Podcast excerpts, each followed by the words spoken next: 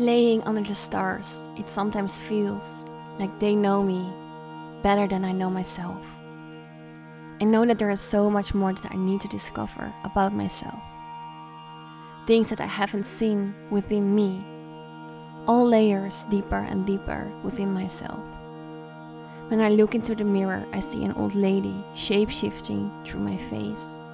I see a lioness, I see a warrior, a young child, I see so many creatures within myself, shape shifting over and over again. They are all me, and I am all of them. They want to be seen. But how can I let them be seen in a world where we can only show a certain image? An image that is just one small, narrow minded picture of us. How can we show the world what is really within us when the world is broken herself?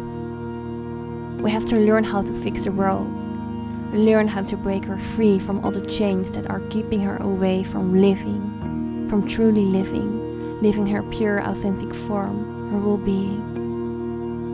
It almost feels like a secret, knowing that this image is so unreal, that this is the most surreal thing in existence. This image, the thing where we have to keep up with, this box, this identity, it's not real, it's not us. Fuck this, it doesn't matter. The only thing that matters is the way out of this fucked up world. The way out of this crazy shit we are all in together. So let's break free and shape shift in existence who we truly are.